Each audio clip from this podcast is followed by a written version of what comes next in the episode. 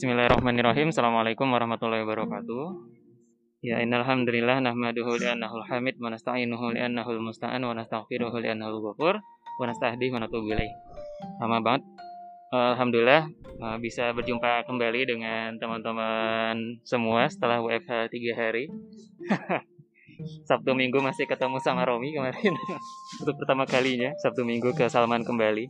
Ya alhamdulillah uh, semoga semuanya diberikan kesehatan, keluarga juga, kemudian dimudahkan aktivitasnya.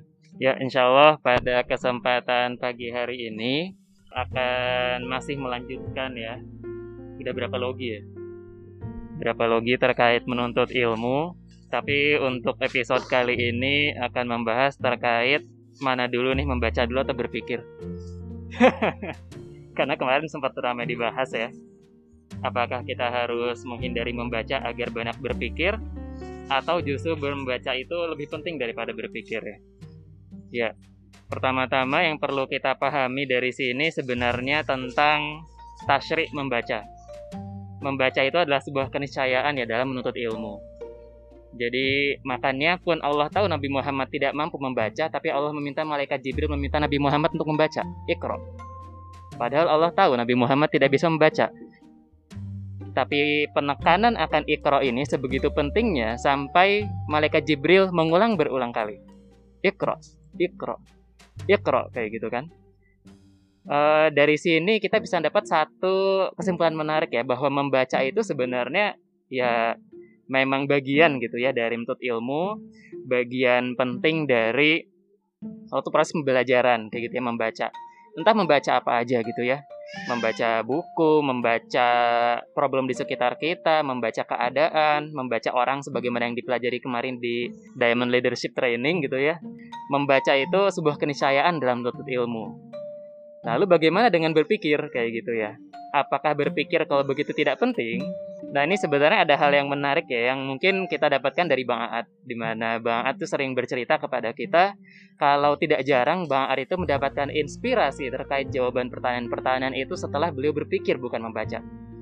Makanya beliau meminta kita tuh ya jangan kebanyakan nanya gitu ya. Kalau ada sesuatu pikirin dulu solusinya sendiri. Kalau benar-benar nggak bisa baru bertanya, baru cari tahu jawaban di Google dan semacamnya. Itu sebenarnya hal yang bagus ya agar kita itu bisa memikirkan terlebih dahulu sesuatu kemudian baru mencari jawabannya kayak gitu. Karena kita sekarang budayanya kan instan ya.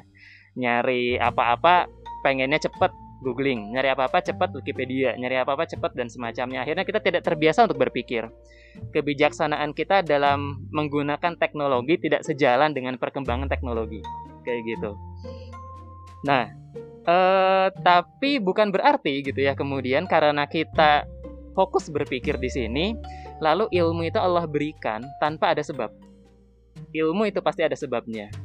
Pun misalnya ada Aristotle gitu, ya, misalnya kan beliau konon katanya tidak banyak membaca ya. Beliau bikin semua itu lewat pemikiran beliau pribadi. Tapi itu hanya one of a kind kayak gitu ya. Suatu hukum gitu ya yang mana tidak akan berlaku dilaku uh, tidak akan berlaku kepada seluruh manusia di zaman Aristotle orang kayak Aristotle itu beberapa dari ratusan ribu atau jutaan rakyat Yunani. Makanya ketika kita misalnya mengatakan ya kalau gitu kita harus banyak berpikir jangan banyak membaca kayak gitu itu salah juga gitu ya. Kalau ini dipukul rata kepada seluruh umat manusia, yang terjadi ketika seperti itu nanti berantakan dunia kayak gitu ya. Karena manusia itu secerdas-cerdas manusia punya keterbatasan dalam berpikir. Terutama yang hubungannya sama akidah. Makanya inovasi manusia dalam berpikir terkait ketuhanan itu nggak bakalan pernah lurus. Berpikir jadiin binatang Tuhan. Berpikir jadiin patung Tuhan. Berpikir jadiin alam Tuhan. Itu sebabnya menjadi bagian dari rahmat Allah ya. Allah itu memberikan Al-Quran, Islam itu sebagai tuntunan. Gini loh cara berpikir tentang akidah, tentang tauhid. Kayak gitu. Itu bagian dari rahmat Allah yang sangat besar bagi umat manusia. Nah, maka di sini poinnya jadinya ya uh, terkait memposisikan antara membaca dan memikirkan sesuatu, berentadaburi sesuatu. Yang pertama, kita perlu sadar diri. Kita udah banyak membaca belum? kita udah banyak mengetahui sesuatu belum? kalau ternyata kita sadar kita ini kurang wawasannya, maka tugas kita adalah membaca dulu baru berpikir. Nah, baru kalau misalnya kita di sini sudah banyak bacaannya, sudah uh, banyak tontonan YouTube-nya, banyak macam-macamnya, maka inilah saatnya mengendapkan terlebih dahulu ilmu, mencegah ilmu lain masuk untuk berpikir dulu. Dari yang sebelum-sebelumnya udah dapat nih informasi-informasi bisa dapat sesuatu enggak? Formulasi sesuatu enggak? Jadi perlu bersabar untuk mendapatkan ilmu baru. Kayak gitu dengan cara mengendapkan ilmu terlebih dahulu, memikirkannya baik-baik, kemudian ya mengambil hikmah dan bahkan menerapkannya gitu dalam kehidupan sehari-hari. Kayak gitu mungkin ya terkait memposisikan antara membaca dan berpikir. Berpikir adalah hal yang penting, membaca juga sama-sama penting. Tinggal posisi kita di mana sekarang. Kayak gitu. Ya itu aja mungkin ya terkait uh, menuntut ilmu antara membaca dan berpikir versi Asa ya di sini ya. Teman-teman bisa mengkritisi.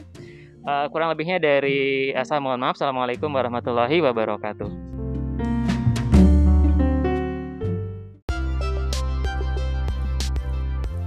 Jangan lupa untuk selalu lihat pagi-pagi sekitar jam 6 sampai jam 7 bakal ada postingan terbaru di Spotify Pojok Gedung Kai.